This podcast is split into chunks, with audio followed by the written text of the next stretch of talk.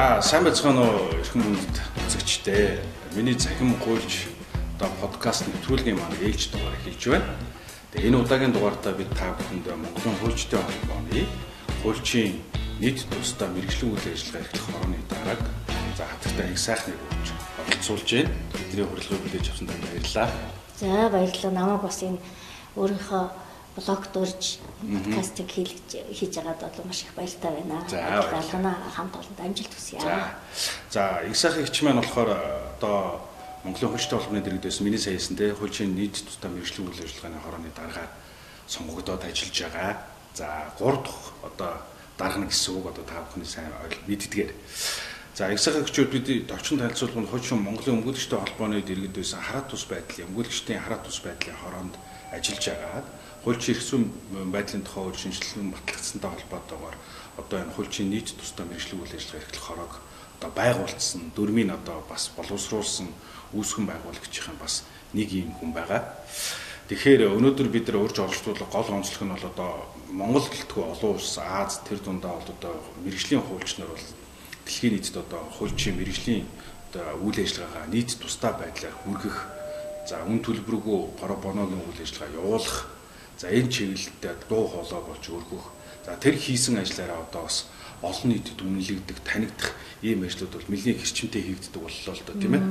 Тэгэхээр энэ талаар бид илүү дэлгэрэнгүй мэдээлэл нийт одоо манай хуульч нар, хуулийн сургуулийн оюутан, эрдэмтэн нартаа бас энэ өдрийн мэдээлэлээс хүргийг зорьсон юм байна.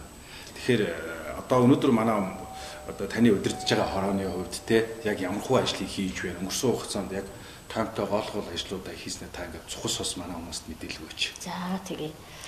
За манай сая одоо Бацая хуульч маань хэллээ. 2013 онд үүсгэн байгуулагдсан гэдгийг энэ хуульчийн эрх зүйн байдлын тухай хуулинд хуульчийн нийт тусдаа мэрэгжлийн үйл ажиллагааг хуульч бүр ирмэлцнэ. Тэгээ хуульчийн нийт тусдаа мэрэгжлийн үйл ажиллагааг хуульчдын Монголын хуульчдын холбоо зохион байгуулна гэдэг одоо үйл ажиллагааных нь нэг хэсэг болгоод ингээд зохицуулж өгсөн байгаа хуулиар. Тэгэхээр Монголын хуульчдын холбоо гэдэг бол өөрөө сайн дурын хороод болон чивүүргийн хороодороо дамжуулж үйл ажиллагаагаа хэрэгжүүлдэг ийм одоо байгууллага. Тэгэхээр манай хороо хуульчдын холбооны хуульчийн нийт тусдаа мэрэгжлийн үйл ажиллагааг зохион байгуулах энэ чивүүргийг нь хэрэгжүүлж ажилдаг хороо юм байгаа үндсэндээ бол. За манай хороо одоогор бол 290 гаруй гişүүн хуульчтай болсон. За гişүүн хуульчдын маань тоо жил тусам нэмэгддэг. За энд бол бас хуульчд маань өөрсдөө энэ хороог бол сонгож хуульчийн нийт тусдаа мэрэгжлийн үйл ажиллагаа эрхлэх мөн энэ чиглэлд бас ажиллах хүсэл сонирхолтой ийм хуульчд маань өөрсдөө энэ хорооны одоо гişүүн болж сайн дураараа ингэж элсэж ордог ийм байгаа. Жил болгон хуульчийн сонгож шалгаруулалт явагдаж шинээр одоо хуульч гişүүд нэмэгдсэнтэй холбоотойгоор хорооны гişүүдийн тоо бол өсөн нэмэгдэж байгаамаа. За манай хороо сая бол хэллээ одоо 3 дахь тэргүүн тэргүүн буюу даргаар нь ажиллаж байна гэж тий. Хамгийн анхны тэргүүнээр бол хуульч өмгөөлөгч баярт ажиллаж байсан. За дараа нь бол Пүрбаатар хуульч ингээд одоо би 2018 оноос эхлээд 18 оны 4 сараас эхлээд бол ажиллаж байгаа. Хуульч эрх зүйн байдлын тухай хуулинд сайн дурын хорооны тэргүүн нь бол 2 жил ажиллах. За түүнээс цааш бол дахиж бол одоо сонгогдохгүйгээр ингэж бол зохицуулсан байдаг. Ийм учраас 2 жил тутамд хорооныхоо тэргүүнийг бол одоо шинэ хүнээр сонгож ажилладаг юм юм байна. За манай хороо байгуулагдсан үеэсээ эхлээд бол энэ нийт тустай үйл ажиллагаа гэж яг чухам юу юм бэ? Энийг хуульчид яагаад заавал хийх ёстой юм бэ? гэдгийг одоо хуульчдынхаа донд хамгийн гол нь одоо ойлгуулах, сурталчлах, хуульчдаа одоо нийт тустай үйл ажиллагаа явуулах энэ соёлыг төлөвшүүлэхэд бол гол одоо үйл ажиллагаагаа бол чиглүүлж ажиллаж ирсэн. За энэ хүрээнд бид нар 2017 оны 12 сарын 8-нд бол анхныхаа хуульчийн пробоно чуулга уулзалтыг бол Монголд бол зохион байгуулсан байгаа. За энэ нийтийн нийгэм хүрээлэнгийн дэмжлэгтэйгээр энэ ажлыг бол зохион байгуулж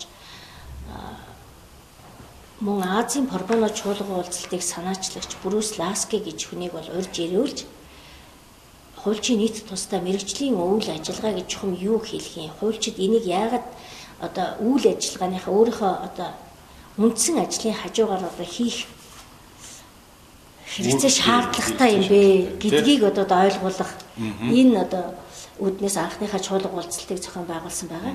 За энэ чуулга уулзалт маань маш амжилттай яв болсон.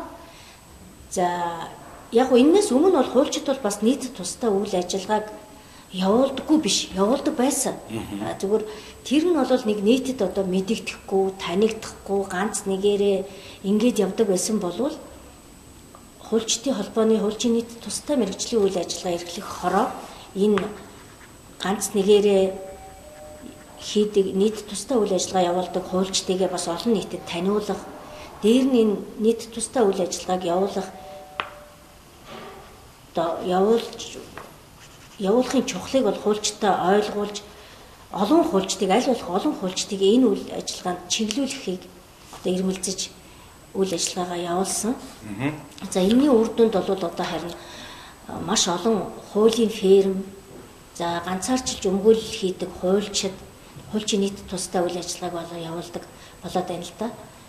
Тэгээ 2018 онд бид нар бас жил болгын чуулга уулзалтаа бол одоо зохион байгуулсан өнгөрсөн жилүүдэд 2018 оны 11 сард бас биш 12 сарын 11-нд бол хоёр дахь чуулга уулзалтаа зохион байгуулсан. За энэ чуулга уулзалтаараа бид хуульчийн нийгмийн хариуцлага гэдэг. Хуульчийн нийгмийн хариуцлага Порбоно гэж энэ одоо нэрийн дор сэдвийн дор чуулга уулзалтаа зохион байгуулсан. За энэ чуулга уулзалтаараа бид ер нь нийгмийн хариуцлагаа ухамсарлаад хуульчбар өөрийнхөө үндсэн ажлын хажуугаар нийт тусдаа үйл ажиллагааг явуулах нь бол чухал юм аа. За энэ нь бол бүр нийгэмдээ хүлээсэн хуульчдын мэн өөрийн хариуцлага юм аа. гэдгийг бол нийт хуульчтай бол уриалж энэ одоо чуулга уулзалтаа зохион байгуулад за тэгээд энэ чуулга уулзалтаас жил бүрийн 5 дугаар сарын 1-ний өдрийг одоо хуульчийн порбоно өдөр болгож зарласан байна. Зарласан байна. Тий. Нэг ингэж зарлаад болол одоо сая 2019 оны 5 сарын 1-нд анхныхаа энэ порбоно өдрийг бол хуульчийн порбоно өдрийг орон даяар одоо бид нэр амжилттай зохион байгуулж хийсэн тий. За За ямар ч хэдүүлээ бол товчхон мэдээлэл бол авлаа. Цаг багаагүй учраас бас ихсах хэрэгч маань бас бүгдийг бас ярихад таахгүй байх. За ямар ч байсан миний бодлоор би ч бас өөрөө э, танаа хорооны шүү дээ. Тэ анх одоо 13 онд хороо үүсгэн байв 12 сард үүсгэн байгуулалтаа явж ирсэн. Тэ тэр үед одоо анх хороо бүртгүүлээд ингээд явсан. Одоо би бас өөрөө хувь хөлчийнхөө хувьд бол хөлчийн нийт тустай мэрэгжлийн үйл ажиллагааны эрхлэх хорооны гишүүнээр бас явж байгаа. А одоо нэг ийм асуудал бас яригдээд байдаг. Ингээд За хуульчтай холбоонд байгаа хуульч сурмаар ингээд олон хороодод хуваагдчихж байгаа. За нэг хуульч бол дээд зах нь 3 хороод хуваагдаж байгаа. За хуульчин одоо таны хорооны хувьд гэх юм бол 900 юу биш 290 хүнтэй гэж байгаа. Тэгэхээр энэ пробоно буюу мэрэгжлийн үйл ажиллагааны нийт тустай үйл ажиллагаа маань ер нь бол нийт хуульч нэрийн асуудал байгаа шүү дээ тийм ээ. Түүнээс зөвхөн одоо хороонд олдсон 900 290 хүний асуудал бол биш гэж харж байгаа. Тэгэхээр одоо хороо маань яг энэ 900 юу гэдэг 290 хүнтэй үйлчлэх гэж одоо юу гэдэг дотоод байгаа зохион нөө зохион байгуулалтаа ашиглагтай гол анхаарал хандуулж байна уу? Ашигвал нийт одоо хуульч нартай энэ үйл ажиллагааг яаж хүргэх тал дээр бол анхаардаг. Бусад хорооны гишүүн заавал манай хорооны гишүүн биш байсан ч гэсэн үйл ажиллагаанд төвтэй оролцоод явах боломж нь бол нээлттэй байгаа шүү дээ, тийм Тэглгүй яг хөө нээлттэй байгаа. Ер нь бол манай хорооны гол зорилго бол ерөөсөө нийт хуульчдыг л энэ нийт тусдаа үйл ажиллагаанд одоо идэвхтэй оролцох энэ ажлыг зохион байгуулахад л чиглээд байгаа юм. Тэгэхээр энэ бол ганцхан манай хорооны одоо хулжины тустай хорооны үйл ажиллагаа бол биш тийм ээ. А манай хорооны гишүүд харин яг уу гэхээр манлайж ажиллах энэ ажил дээр бол илүү бусад хороо болон бусад хуульчдыг зохион байгуулах чиглэлд бол одоо бид бас төлөвлөгөө гаргаж жил болгон төлөвлөгөө гаргаж ингэж бол ажилладаг. Энэ жилээс эхлээд бол хуульчдын холбооны сайн дурын хороодын төлөвлөгөөнд бол бас саналаа бол гаргасан байгаа. Хороодын тэргүүн нарын уулзалт гэж болдог. Энэ уулзалтан дээр сая хамгийн сүүлд одоо шинээр сонгогдсон ерөнхийлөгч үн мөнхтэй бол хорооны тэргүүн нар э, уулзах уулзалтан дээр бол одоо би саналаа гаргасан байгаа. Энэ жилийн одоо энэ жилийн 2020 оныхоо эх жилийн төлөвлөгөөнд бүх хороодын нийт тустай ажил дээр одоо ямар нэг ажил хийхийг ингээд төлөвлөж оруулж өгөөч ээ гэдэг энэ саналыг бол гаргасан байгаа. Хороод маань хороодын тэргүүн маань ч бас энийг бол тэмцсэн. Тэгэхээр эх жилээс эхлээд бол бүх хороод тодорхой хэмжээний ажлуудыг төлөвлөөд бол хийх баха гэж бодож байна. Ер нь бол одоо манай хороо гэлтгүү бас аюу сайн нийт тустай үйл ажиллагаа явуулдаг хороод бас байна л да. Яг энэ жилд бас ажлаа зохион байгуулж явуулдаг иргэний эрх зүйн хороо байна захиргааны эрх зүйн хороо байна. Тодорхой одоо ажлуудыг хийдэг. Иргэдэд үн төлбөргүй зөвлөгөө өгдөг. За тэр юу яа бас үн төлбөргүй тусцаа үзүүлэх. Тий, хууль зүйн анхан шатны зөвлөгөөг бол үн төлбөргүй өгөх ажлыг бүр тогтмол хийж байна. Орон нутгуудаар явж хийж байна. Иргэний эрх зүйн хороо бол За дээр нь бас үн төлбөргүй өмгөөлийн үйл ажиллагаа үзүүлэх ажлуудыг бол бас өмгөөлөгч нар маань бол хийж байна.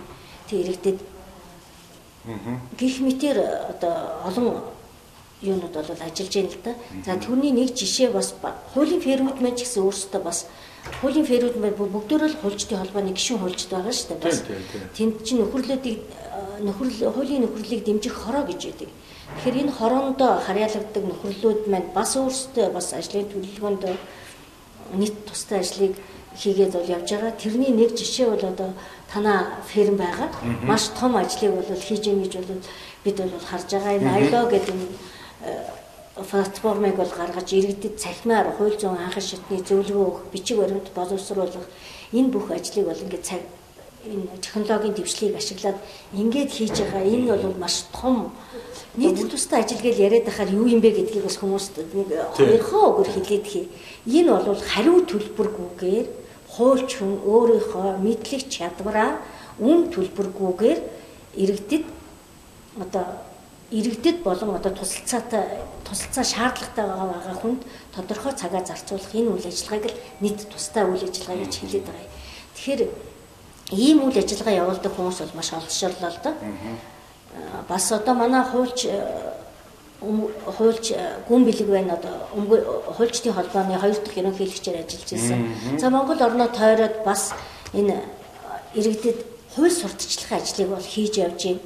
Энэ бол бас маш том нийт тустай үйл ажиллагаа. За Бат утган гээд манай хорооны удирдах зөвлөлийн гишүүн хуульч байна. За энэ хуульч маань гэмт хэрэгээс урьдчилан сэргийлэх чиглэлээр ерөнхий боловсролын сургуулийн дунд болон ахлах ангийн сурагчдад мөн дээд сургуулийн одоо 1 2 дугаар ангийн юу курсын оюутнуудад хичээл бол орж тогтмол энийг бол бүр тогтмол орж явж байна. Энэ үйл ажиллагаа өөрийнхөө мэрэгжлийн үйл ажиллагааныхаа нэг хэсэг болгоод одоо ингэ явж байгаа ийм сайхан жишээнүүд бол олон байна л да. Тэгэхээр За одоо тэгвэл дараагийн яриаг гоорой. Хоёул нөгөө миний асуух гэсэн асуулт руу орчлоо. Өөрөөр хэлэх юм бол нөгөө хөл чиний төдөө мэрэгжлийн үйл ажиллагаа явуулж байгаа хүмүүсийг яаж алдаршуулах вэ? Тэгээ яаж нийтэд таниулах вэ? гэдэг дээр одоо хороо ер нь ихэнхэн анхаарч ажиллаж байгаа бай. Одоо энэ дээр тай зүг юу гэдэг цаашдаа ингүүл зүгээр юм байна гэсэн танд одоо тийм санаанууд эсвэл олон улсын сайн туршлага бас байна уу тий? За юу эхнийх яг алдаршуулах гэдэг дээр бид яг одоо олон нийтэд алдаршуулах ажлыг бол бас яг өндөө бол тийм одоо зохион байгуулалтаагаар бол хийж чадахгүй. Зүгээр яг хөлчдийн холбооныхаа хэмжээнд бид нэр бас алдаршуулах, тэднийг урамшуулах ямар нэгэн байдлаар ийм хөшөөргүүдийг бол хэрэгжилж яана л та. За жил болгон пробоно хуульч бол шалгаруулдаг байгаа. Одоо оны эцэс шалгах оны эцэс бол шалгардаг. Одхон бол баяр гээд хуульч бол шалгарсан байгаа. За тэр э, нөгөө стратегийн өмгөөлөл хийсэн бас төлбөрийн чадваргүй иргэн одоо орон байраа алдчихсэн тийм иргэн хүний одоо орон байрыг нь шүүхийн одоо маргаанд төлөөлж ажиллаад тэр одоо хэрэг нь бол амжилттай шийдэгдэл тухайн иргэд бол дөнгөлөгч хувьд үү? Биш баяр төш баяр гэдэг нэг өөр бас өмгөөлөгч байгаа. Тэгээ баяр гэж өмгөөлөгч. Баяр биш мэ баяраа өмгөөлөгч. Би буруу нэрийг буруу хэлсэн. Манай нөгөө залуу хуульч нар байвал тий яг юун дээр яваад бас поро боноод ороод чагнал авсан гээд бас. Тий баяраа өмгөөлөгч байгаа. За бидний одоо бахархал болж байгаа бас баасан жаргал өмгөөлөгч байна. Баасан жаргал өмгөөлөгч маань 2018 онд олон улсын баарын холбооны одоо шилдэг пробоно хуульчвал шагналыг авсан. Дэлхийн шүү дээ бүр. Тийм дэлхийн. Тийм энэ бол аюул том. Энэ бол маш том шагнал. Энэ бид нар бас Монголын хуульчдын бахархал гэж бол харж одоо бид нар бас тэгж бол одоо бахархаж явж байгаа. За баасан жаргал өмгөөлөгч мань өвлийн уйлралд бага насны хүүхдүүдийг морин одоо унаач хүүхдүүдийн эрх ашгийг хамгаалах энэ уралдааныг зохион байгуулахыг одоо зохион байгуулахыг шийдвэрлэн засгийн газрын тэр одоо шийдвэрийн эсрэг шүүхэд одоо стратеги өмгөөлөл хийж энэ одоо эрхийн актыг хүчингү болгуулж чадсан энэ амжилтаараа одоо дэлхийн шилдэг пробоно хуульч болсон ийм одоо сайхан жишээ байгаа юм. За өөр бид нар одоо яг энэ хуульчдыгээ бас 30 сая 19 оны Монголын хуульчдын холбооны зөвлөлийн хурлаар бол батлагдсан сургалтын хорооны ажлах журам байгаа. За энэ журамд хуучин бол нийт тусдаа үйл ажиллагааг 40 цаг явуулсан байх юм бол тухайн хуульчийн нэг кредит цаг тооцноо гэж байсныг бол манай хуульчийн нийт тусдаа хорооны төлөөлөл болсон зөвлөл сууж исэн одоо гişүүд маань санал оруулаад за энэ дээр бол 40 цагийг нь бол 30 болгож багасгая гэдгээр бол санал оруулж бол энэ юуг бол журамд бол өөрчлөлт оруулж чадсан байгаа. Ингээд бол энэгээр бас бид нэр одоо нэг урамшууллын нэг юу бол явж байна хэлбэртэй. Систем ажиллаж байна тий. За бид бас энэ нийт тусдаа үйл ажиллагаа явуулдаг хуульчтай урамшуулах юугаар бол гадны байгууллагын тэтгэлэгтэйгээр олон улсын пробоно чуулга уулзалтуудаас оролцуулах, зардалтын дааж туршлага судлуулах ийм бол ажлуудыг бол одоо 3 жил 3 жил дараалал хийлээ. Хамгийн анх бол бид нар одон жүүгээ дөнгөөлөгчийгээ Малайзд болсон Азийн пробоно чуулга уулзалтын 7 дахь чуулга бол бишээ 6 дахь чуулга уулзалтанд явуулсан. За 18 онд Батотхон мөнгө жаргал Пүрбаатар за бас амар сайхан гэдэг одоо нийслэлийн прокурорын газарт ажиллаж исэн. Энэ прокурорыг мөн нийт тусдаа үйл ажиллагаа явуулдаг одоо юуг нь урамшуулж Хонконгод болсон. Азийн пробоно хуульчдын 7 дахь чуулга уулзалтанд бол оролцуулсан байгаа. За энэ жил бол Непал улсын Катманду хотод болсон Азийн пробоно 8 дахь чуулга уулзалтанд бас одоо 6 хуульчийг оролцуулаад ингээд ирсэн ийм одоо байна л да. Тэгэхээр зүгээр олон нийтэд алдаршуулах тал дээр бол бид бол бас олигтой дөрвтэй юм бол хийж чадахгүй байна. За яг хуульчдынхаа хийсэн ажлыг энэ фейсбүүкээр сурталчлах тий одоо шеэрлэж явуул сошиалаар тий сошиалаар одоо явуул э, сурталчлах нэг ийм юу хийж ин да. Өөрөөр бол яг хийж ялал олигтой чадахгүй. За сошиалор юу сурчлах гэснээс бид нар бас манай ILO платформ дээр бас бид нар шинэ тийм хэсэг гаргаж байгаа. Тэрний удахгүй одоо бид нар өөрөөр хэлэх юм бол одоо би нэг сайхан амлалт өгчөд бол одоо хуульчийн нийт тусдаа мэрэгжлийн үйл ажиллагаа явуулсан шилдэг өмгөөлөгч нарын одоо чагсаалтыг бид нар гаргая гэж бодож байгаа. Олон нийт түргэх те. Тэгээд тэрүүгээрээ дамжуулаад мэдээллийг бид иргэдэд хүргэж чадна. Өөрөөр хэлэх юм бол энэ хүн юу хийсэн, те хийсэн үр дүн одоо ямар байсан, тийм бүр дэлгэрэнгүй бүр тайлбартай те. А эргээд бас энэ бол өөр манай Э, иргэдэд бас том мэдээлэл болох зорилготой. Тэгээ ийм хурц ийм хийдэг юм байна гэдэг бид бас харуулах боломжтой нэг э, шилдэг 5 одоо поробоногийн чиглэлийг үйл ажиллагаа болж байгаа 5 хуульчийг бас оруулах гэсэн юм бид ярилцсан шийдэ явж байгаа юм.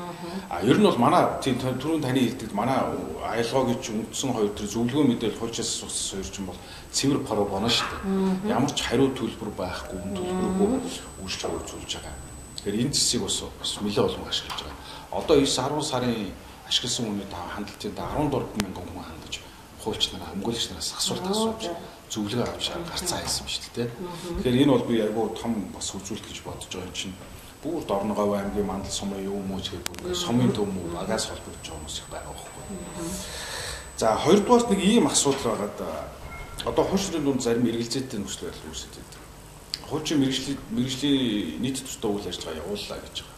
Тэгэхээр явуусныгаа бид нар яаж хэмжих вэ гэдэг бас нэг эргэлзээтэй асуудал байна. Яг одоо үр дүн шаардах уу, шаардахгүй юу?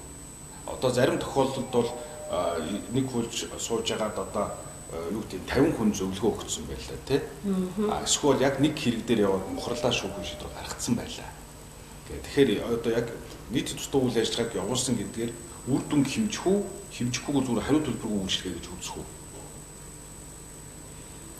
За ер нь бол э, хоёр талтай юм да тий. нэг нэг тал нь бол хариу төлбөргүй үйлчлэгээ мэдээж нөгөө тал нь үрдүү байх нь бол гарцаагүй. За үрдэн бид ерөөсөө хуучин нийт тусдаа үйл ажиллагааг би нэг гурван чиглэлээр бол манай хороо ер нь чиглүүлж ажиллаад байгаа шүү дээ. Нэгдүгээр нь бол иргэдийн эрх зүйн боловсролыг дээшлүүлэх. Тийм ээ. За хоёр дахь нь бол гэмт хэрэгээс урдчин сэргийлэх гэх. За гурав дахь чиглэл нь бол нийтийн эрх ашгийг хохироосон хууль тогтоомжийг бол хууль тогтоомж бусад одоо эрхийн актуудыг шүүхээр хүчингү болгуулах. Эсвэл засах. Эсвэл засаж сайжруулах.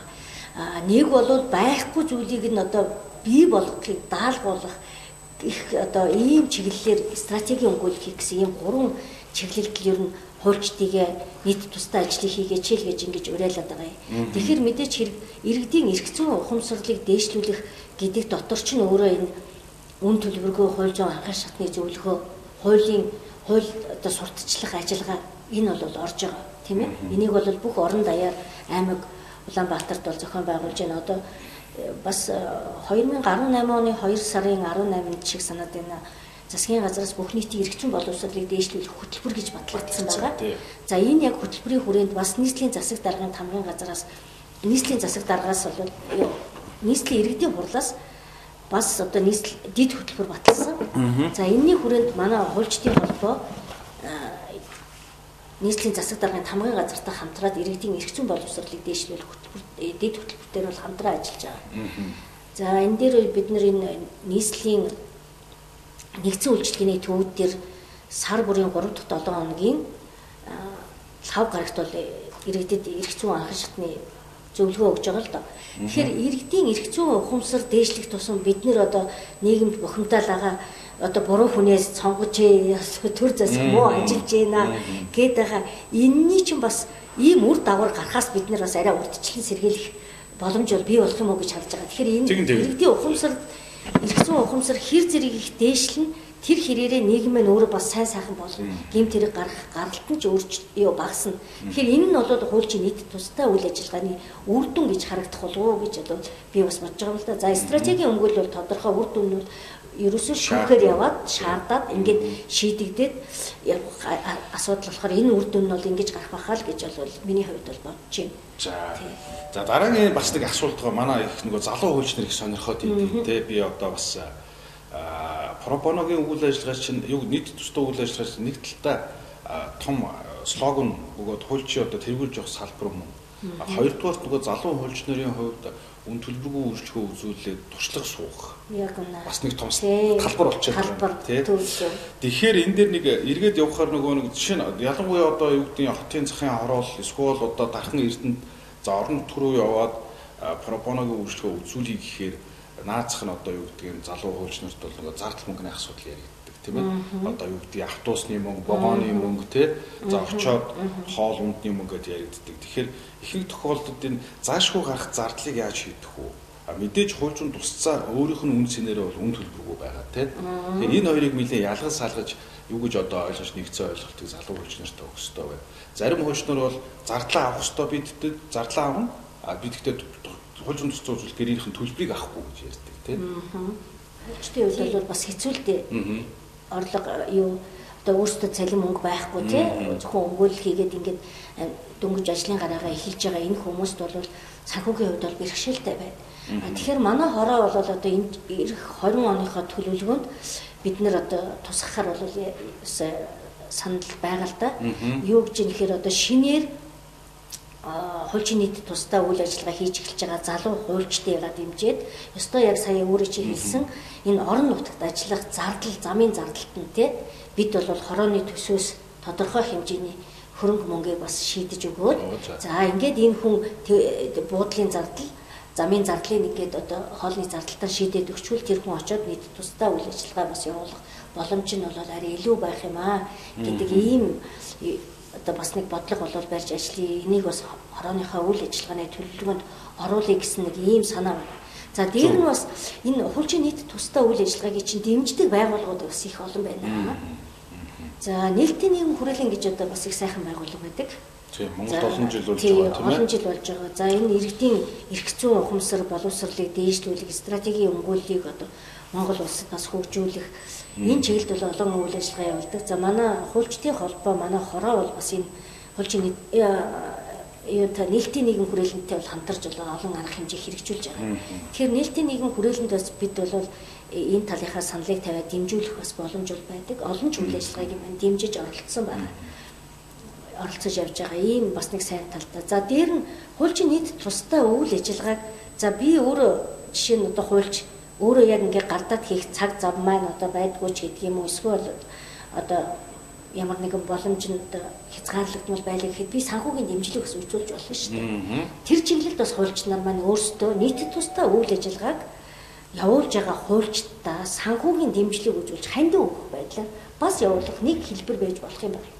Тийм миний өөрөө бас санхүүжүүлээд тэр үйл ажиллагааг санхүүжүүлээд явна гэдэг чинь бас нийт тусдаа л үйл ажиллагаа шүү дээ.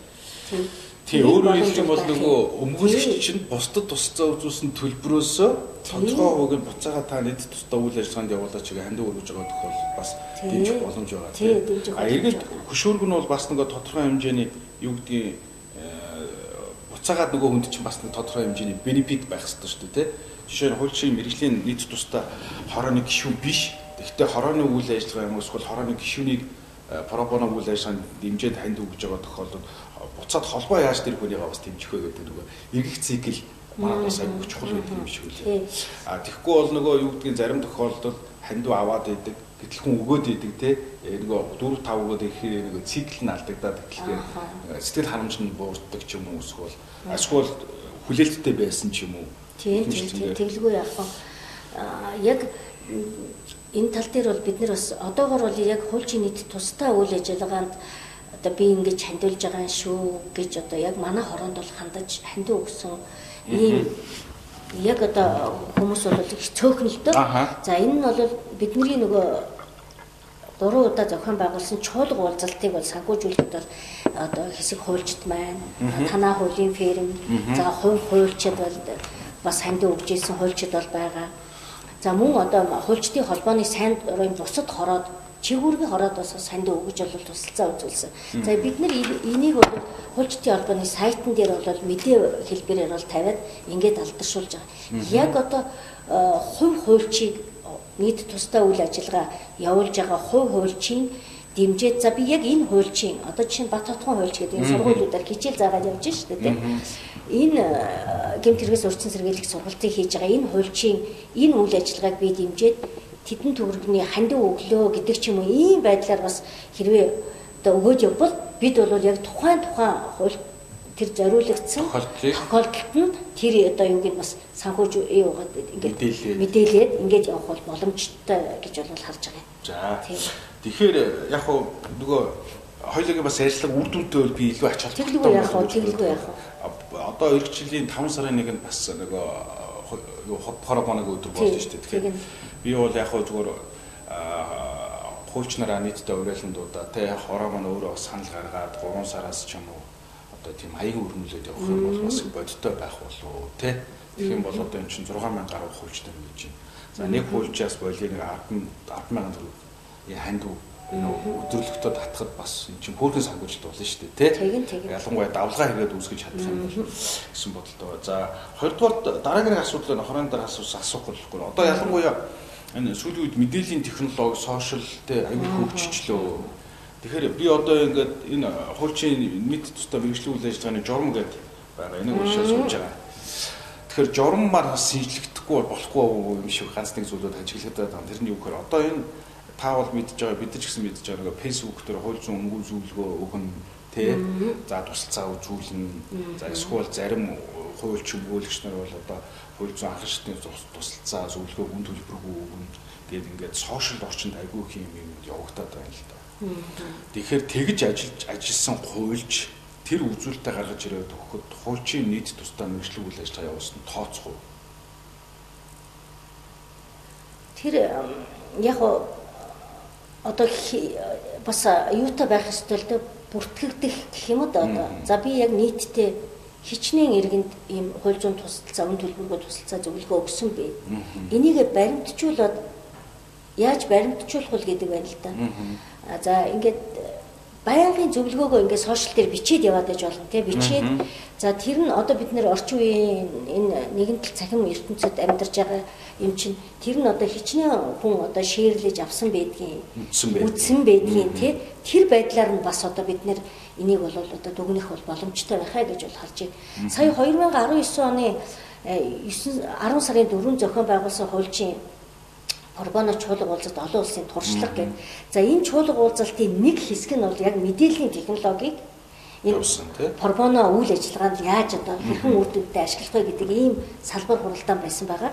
Тэгэхээр энэ дээр бол нэлээд хэдэн хуулийн ферм бас энэ мэдээл мэдээллийн технологиг одоо үйл аж энэ хуулийн салбарт ашиглаж байгаа туршлагуудаас ярилцсан. За тэн дээр бол Хаан Лекс одоо энэ ILO платформыг танилцуулсан танаа ферм. За өөр бас нэг одоо хуулийн ферм байсан. Төлөөллүүд Тийм. хийсэн, тий? Тэгээд төлөөллүүд маш их оролцсон. Ийм байгаа.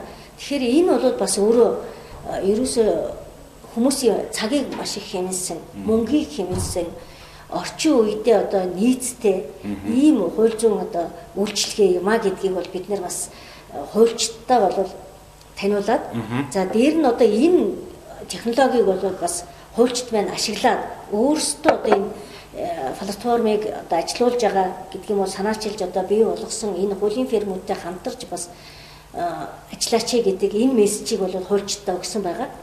За манай хорооч гэсэн бас э, одоо хуульчдыг бас энэ чиглэлд одоо холбож ажиллах юу ирэх орныхоо төлөвлөгөөнд бол тусгаад хэрхэн яаж одоо холбож ажиллах вэ? Зүгээр бүртгээд одоо өнгөрөх юм уу гэдэг бүртгүүлээд одоо ингээд нэрэн зоогоод байгаад ах уу гэдэг бас нэг юу тал юм билээ л дээ. Тэгээ идэвхтэй бас энэ платформ дээр зөвлөгөө өгж ажиллах шаардлагатай тэрийг одоо яаж харин идэвхжүүлж ажиллах уу гэдэг талаас нь бас энэ платформыг хэрэгжүүлж байгаа нөхдүүдтэйг бас харилцан ярилцах шаардлагатай байхаа л гэж би бол бодоод байгаа юм. Би яг энэ дүгнэлтийг хийсэн бэ гэхээр хулчдын холбоо бас нэг цахим юу ажиллуулж байгаа шүү дээ зөвлөгөө хууль Тий. зөвлөгөө өгөх пробоно зөвлөгөө гээд энэ нээлтийн нийгэм хүрээлэн нийслэлийн засаг даргын тамгын газартай хамтраад энийг бол ажиллуулж эхэлсэн. За энэ дээр харин жоохон манай хуульчдны жоохон итгэх муутай байгаад байгаа л да. Э, Зөвлөгөө хүссэн хүмүүс их олон байгаад ингээд цаг заав нь болохгүй ч гэдэг юм уу. Тэгээд яадгийн тэн дээр одоо яг ингээд цаг хугацаанд зөвлөгөөгөө амжиж өгч чадахгүй юм байдал бас хажиглагдаад байгаа юм. Тэгэхээр энийг яаж идэвхжүүлэх вэ гэдэг талаас нь бодоод бас ер нь цахим эрдэнэт зөвлөгөө өгөх үйл ажиллагааг явуулахдаа их идэвхтэй байр суурийг барихгүй бол бас энэ зөвлөгөө маань өөрөө цаашаа явж чадахгүй нэр хүндээ алдах тий иргэдэд одоо хүртээмжтэй байх чадвараа бас алдах юм уу да гэсэн ийм л нэг бодол төрсөн.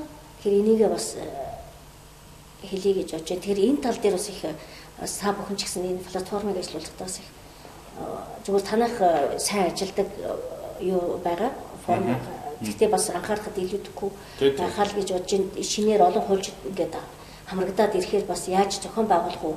Энийгээ яаж идэвхтэй үр дүнтэй болгох уу гэдгийг бас бодох нь зүйтэй болов уу гэсэн нэг юм бодол байгаа юм. За одоо журмын уучлаарай. Энэ журмыг бол сайжруулах шаардлагатай. Энэ тий. бол үнэхээр одоо 2013 онд хуульчдын холбоо байгуулагдаад ла батлагдсан журам байгаа шүү дээ. Тэгэхээр альва юм чинь өөрөө нийгмийн харилцаанд ороод ингээд яваад ирэхээр зохицуулалт маань хоцрогдох зохицуулалт нь бас дутагдах Тий. шинжлэх шаардлагатай ийм зайлшгүй шаардлага бол гарч ирж байгаа. Тэгэхээр дүнгиж одоо хуульчдын холбоо байгуулагдж явах үед энэ журмыг боловсруулахдаа боловсруулж исэн одоо бидний хэсэг нөхдүүд байгаа л да бат хуульч би бас хэсэг одоо баяр дүмгөөлөгч бид хэд одоо ингээд хамтраад энэ журмыг боловсруулж исэн журмын төсөл дээр ажиллаад тэгээ бас бодож дутуу бодсон зүйлүүд бол их байгаа. Одоо ингээд харахад 6 жил боллоо үйл ажиллагаа явуулаад бид нар бас нийтэд тусдаа үйл ажиллагаа гэдгээр одоо нийт хуульчд маань ч гэсэн ойлгодог боллоо. Энэ ажлыг өшөө яаж сайн хийх вэ гэдэг дээр хүмүүс бас өөрсдийн бод төрсэн санаа бодлууд байна. Хийсэн ажил дээрээ бас бидний авсан одоо э, Туршлагууд байна. туршлага сургамжууд байна тий. Тэгэхээр энэ одоо журмыг болов шинжлэх ажлыг бол эх ондод хийгээ зөвлөлөөрөө батлуулнаа гэсэн ийм бодолтой байгаа. Харин энэ журман дээр хорооны гишүүнийхээ хувьд бас одоо идэвхтэй энэ нийт тустай үйл ажиллагаа явуулдаг хуульчийнхаа хувьд санал бодлоо одоо бид нарт бас өгөөрэй. Бас энэ журмын төсөл боловсрол юу шинжлэх ажлын хэсэгт бол орж ажиллах бүрэн боломжтой бас орж ажиллаач ээ гэж одоо энэ дэвшрэмж хүсмээр байна. би бол ягаад энийг нөгөө асуугаад байгаа вэ гэхээр ялангуяа нөгөө нийгэм нь айгүй хурцтай хөгжиж байна шүү дээ. Өдөр эрт тусам хүн болгоно нөгөө ухаалаг хэрэглээнд их автчихэ. Ухаалаг утас, ухаалаг одоо хэрэглээрээ дамжуулаад мэдээлэл газар дороосоо гэртээ авдаг болчихжээ. Өөрөөр хэлэх юм бол нөгөө явдал хийхээ хүн хүсгээ болчиход байна л да. А тэгээд тэрийг дагаад нөгөө манай зарим хуульч нарын үйл ажиллагаа чи одоо хуулийн пермис хавчлаа шүү дээ. Хуульч өмгөөлөгч гэдэг статус нь байгаа боловч нөгөө явуулж байгаа арга хэлбэр нь хуулийн перм гэдгээр сайн хайлтсан. Одоо чинь клубүүд үүсгэж байгууллагч. Тэгэхээр клубийн хийсэн нарын үйл ажиллагааг хороо тооцох юм уу юу?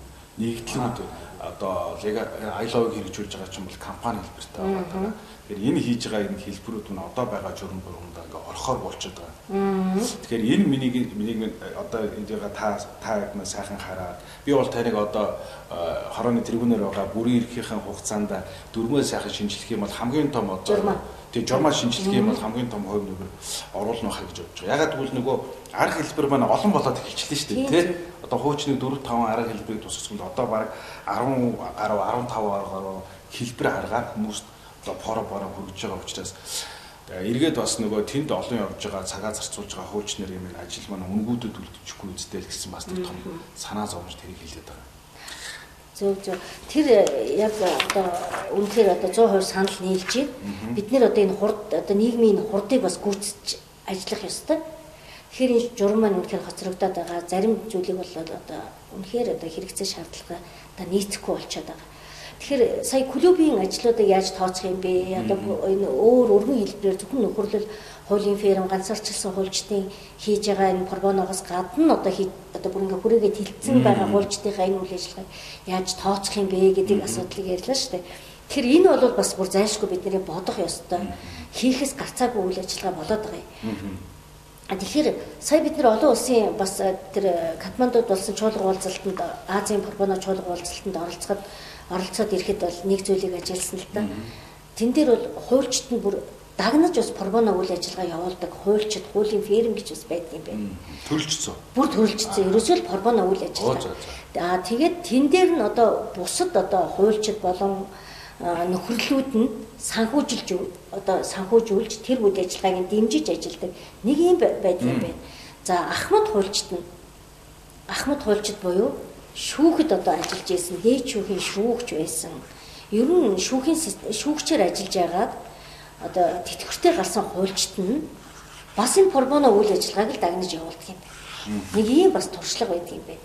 Тэгэхээр энэ бүгдийг одоо бас ингээд эдгээр чинь клуб хэлбэрээр ажиллаж байна. Актив байгуулсан хэлбэрээр ажиллаж байна, тэ нөхөрлөөр ажиллаж байна. Тэгэхээр эн чинь өөрөө тэр тухайн улс орондоо пробоно үйл ажиллагаа, хуульчийн пробоно үйл ажиллагаа гэдгээр одоо сурталчлагдаж, дүгнэгдэж ингэж явдаг юм байна л да. Тэгэхээр манад бол одоо яг энэ ажлыг бүртгэлжүүлэх шаардлага байна. Аа энэ бүх одоо үр дүнгийн яаж тооцох вэ, аргачлалыг гаргаж ирэх шаардлага хэрэгтэй байна. За ингээд энэ хуульчдыгээ бас э, клуб хэлбэрээр одоо энэ бусад байдлаар явуулж байгаа энэ хуульчдыгээ яаж урамшуулах уу, үр дүнгийн тооцох уу гэдгийг одоо бид нар бас энэ журмандаа оруулж өгж өөр хэлбэрт бас одоо үйл ажиллагаагаа зохион байгуулах нь зайлшгүй шаардлагатай байна л гэж бол хараад байгаа. Тэгэхээр зөвхөн би уучлаарай энэ төсөвд нэг юм хэлэхэд сая манай хорооч бас э, энэ Мусын хууль зүйн сургуулийн клиник сургалтын төвтэй бас э, хамтарч ажиллаж байгаа. За энэ ажлынхаа хүрээнд бид оюутан энэ хууль зүйн сургуулийн клиник сургалтын төв дээр оюутны пробоно клуб гэж байгуулагдсан юм байна. За. Бид бас одоо эднэрээс бол санаа аваад за манай хороод иргэдээ Ахмад хулчдын пробоно клубыг бол дөнгөж саяхан одоо өнгөрдөг 7 хоногт бид одоо удирдах зөвлөлийн хурлаараа. Байгуулах нь бол яг клиник сургалтын 20 жилийн ойн арга хэмжээнд дээр бол хэсэг хуульчднаа санаачлаад одоо байгуулахаар шийдээд ингээд байгуулсан. Юу санаачлага гаргаад за энийг алавжуулах ажлаа 11 сарын 8-ны өдрийн хуульчийн нийт тустай мэрэгжлийн үйл ажиллагаа ихэвчлсэн хорооны удирдах зөвлөлийн хурлаараа баталгаажуулж тогтоол гаргаж аламжуулсан байна. Тэгэхээр миний зорилго бол энэ клуб клубийн үйл ажиллагааг ягаад заавал хорооны дэргэд ингээд байгуулчихваа гэхээр залуу хуульч, оюутан болон залуу хуульчдыг ахмад хуульчтайгаа холбож хамтарч иргэдэд одоо хууль зүйн зөвлөгөө өгөх, хууль сурталчлах ажлыг бол хийлгэх ийм зорилгоор юу яаж байгаа юм л да. Мэдлэг харилцан шийдэх яг зөвхөн яг энэ зарчмыг одоо ажиллуулъя гэсэн ийм зорилгоор энэ Ахмад хуульчдын Порбоно клуб гэдгийг бол байгуулад байгаа. Тэгээд энэ ташрамд хэлгээд би одоо энэ шүүхээс одоо тэтгэвртэй гарчихсан, прокуророос тэтгэвртэй гарсан хуульчдын Порбоны гишүүн хуульчдыгээ энэ Ахмад хуульчдын Порбоно клубын гишүүн болоод За гişүн гэхээр бас айж магадгүй татвар гэдэг асуудал ярьж бодогдож магадгүй энэ бол татвартай ямар ч татвар бол татваргүй татваргүй ийм одоо клуб байгаа. Тэгэхээр чөлөөтэйгээр одоо энэ клубын үйл ажиллагаанд бол оролцох боломжтой байгаа шүү. Та бүхэн минь ирж оролцоорой гэж бас нэг уриалъя гэж бодож байна. За. За ямар ч байсан Ахмад хуульчдын Парабоногийн клуб байгуулагдсан юм байна тий. За баяр хүргэе.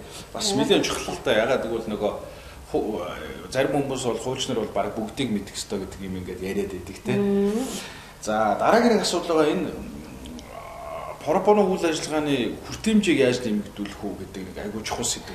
Одоо сүүлийн баг хэдэн жил яригдчихэж байгаа тий. Та ч гэсэн бас тэр асуудалд баг ингээл толгой гашлаад явж байгаа. Би бол таны хүмүүс гадарлаа л байгаа нь бол. Одоо түрүү та тэр хэллээ шүү дээ тий. Сар болгоны 3-7 хоногийн нэг өдөрт нэг цэгүүдийн үйлчлэгэн дээр манай хуульч хөнгөлөгчтэй очиж зөвлөгөө тусалцаа үзүүлж байна гэж. Тэгэхээр одоо уг нь бол хорооны үйл ажиллагаа бол улсын хэмжээнд явах хэрэгтэй боломж нь бол байгаа. Тий. Тэгэхээр энэ 21 аймаг 300 эдэн сумдаа хамруулсан хүн амынхаа ядахтаа нэг бид нар одоо жижигхэн зорилт тавиад те нэг 30% нь 50% нь үрж үйлчлэе гэсэн зорилго тавиад явахын тулд хүртээмжийг нэмэгдүүлэх аягүй чухал байгаа. Тэгэхээр энэ хүртээмжийг яаж нэмэгдүүлэе гэж одоо ямар арга замаар нэмэгдүүлэх олон улсын сайн туршлага байна. Манад одоо яг аль нь тохирох вэ? За олон улсын туршлагыг сая манай энэ 12 сарын биш 10 сарын 4 зохион байгуулсан Порбоно чуулга уулзалтан дээр бүгд найрамдах Солонгос улсын Порбоно хуульч 15 жил Порбоно үйл ажиллагаа явуулж байгаа хуульч ирж оролцсон. За энэ хүн бол ерөөсөө тасралтгүйгээр 15 жил үйл ажиллагаа явуулсан байгаа юм. За одоо бол өөрөө компани байгуулад тэр компаниараа яадаг гэхээр хуульчдад пробоно үйл ажиллагаа явуулах одоо аргачлал зөвлөгөө өгдөг юм байна. За тэгэхээр би бол энэ дээр бол одоо тэр хуульчтай ярилцаж үзээд юу бодсон бэ гэхээр ерөөсөө ганцхан манай хороо биш те одоо бүх аймагт бүгд хуульчид байна шүү дээ. Монгол улсын хэмжээнд бүх газар хуульчид ажиллаж байна. Одоо төрийн байгууллагуудад хуульчид ажиллаж байна. Тэгэхээр энэ энэ их хүч нөөцийг бид бол ашиглаад хуульчдыг тухайн тухайн орон нутагта өөр өөрсдийнхөө ажлын одоо ажил үргийн чиглэлээр энэ нийт тусдаа үйл ажиллагаагаа явуулаач гэдгийг л одоо маш сайн ухуул сурталчлаж энэ ажилд одоо татан оролцуулах нь зөв нэг их том ажил юм байна л гэж хараад байгаа л да. Одоо энэ цахим ертөнц гэдэг маань өөрөө бас юу болчиход байна шүү дээ. Одоо ухаалаг утастай тий одоо цахим сүлжээтэй газар Энийг бол хэрэглээ зөвлөгөө аваад авах боломжтой. За гэтэл манад өнөөдөр нөгөө алслагдсан сум багуудад одоо яах вэ? Энэ бол бас их хэцүү байна тий. Одоо Улаанбаатар тий ухаалаг утасгүй хүн бол яах вэ? Улаанбаатар хотын захын гэр хорооллын дүүргүүд тий ч одоо одоо ухаалаг битий л уцгүй хүмүүс ч одоо байж би ерөөсөө. За энэ хүмүүстэй яаж хүргэх вэ гэдэг бас нэг юм нэг асуулт гарч ирээд байгаа юм л да. За энэ тал дээр бол өмгөөлөгчдийн холбоо бас хуульч өмгөөлөгчдийг бол зохион байгуулад энэ дүүргийн хороодуудад одоо яг бичлэн хуульчдыг очиж зөвлөгөө өгөх ажлыг бол зохион байгуулад байгаа. Нийслэлийн гэмт хэрэгээс урьдчилан сэргийлэх зөвлөлтөй хамтраад за энэ бол бас нэг хэлбэр юм. Тэгэхээр энийг бол яаж өшөө дахиж одоо хүртээмжийг нэмэгдүүлэх вэ гэдэг дээр бол одоо хуульч болгон өөрсдөө санаа санаачлагтай ажиллаад ажиллах бол нэгдүгээр шаардлага байгаа юм. А зүгээр энийг харин зохион байгуулалтанд яаж оруулах уу? Яаж одоо тэр ажлыг тэр чинь бас нэлээд их цаг хугацаа хөрөнгө бас шаардах ажил болчиход байгаа юм. За алслагдсан газар явж зөвлөгөө өгөхөд одоо тэгэл унаа тэгээ буудлын гээд ингээл юмнууд байгаа. За энэ дээр бид одоо бас яаж одоо санхүүжилтийг босгоод энэ хуульчдыгээ яаж бас энэ цагаа зараад явж байгаа хуульчдыг бас зөх хэмжээгээр зөвхөн нэг кредит цаг нэг кредит 30 цаг зарцуулбал нэг кредит тооцно гэдэг нь бас хангалтгүй санагдаад байгаа юм л энэ урамшууллын хөшүүрэг нь Тэгэхээр энэ дээр бид өшөө байдлаар яаж одоо бас урамшуулах вэ? Зөвхөн мөнгө хэлбэрээр урамшуулахгүйгээр өөр зөндөө урамшууллын аргууд бас байж болно шүү дээ. Тэгвэл илүү нөгөө хүмүүсийн хуульчдын маань одоо энэ ажлыг хийгээд би нийгэмдээ ингэж танигдлаа. Тийм ээ? За нийгэм намайг ингэж одоо энэ пробоно хуульч гэдгээр мэддэг боллоо.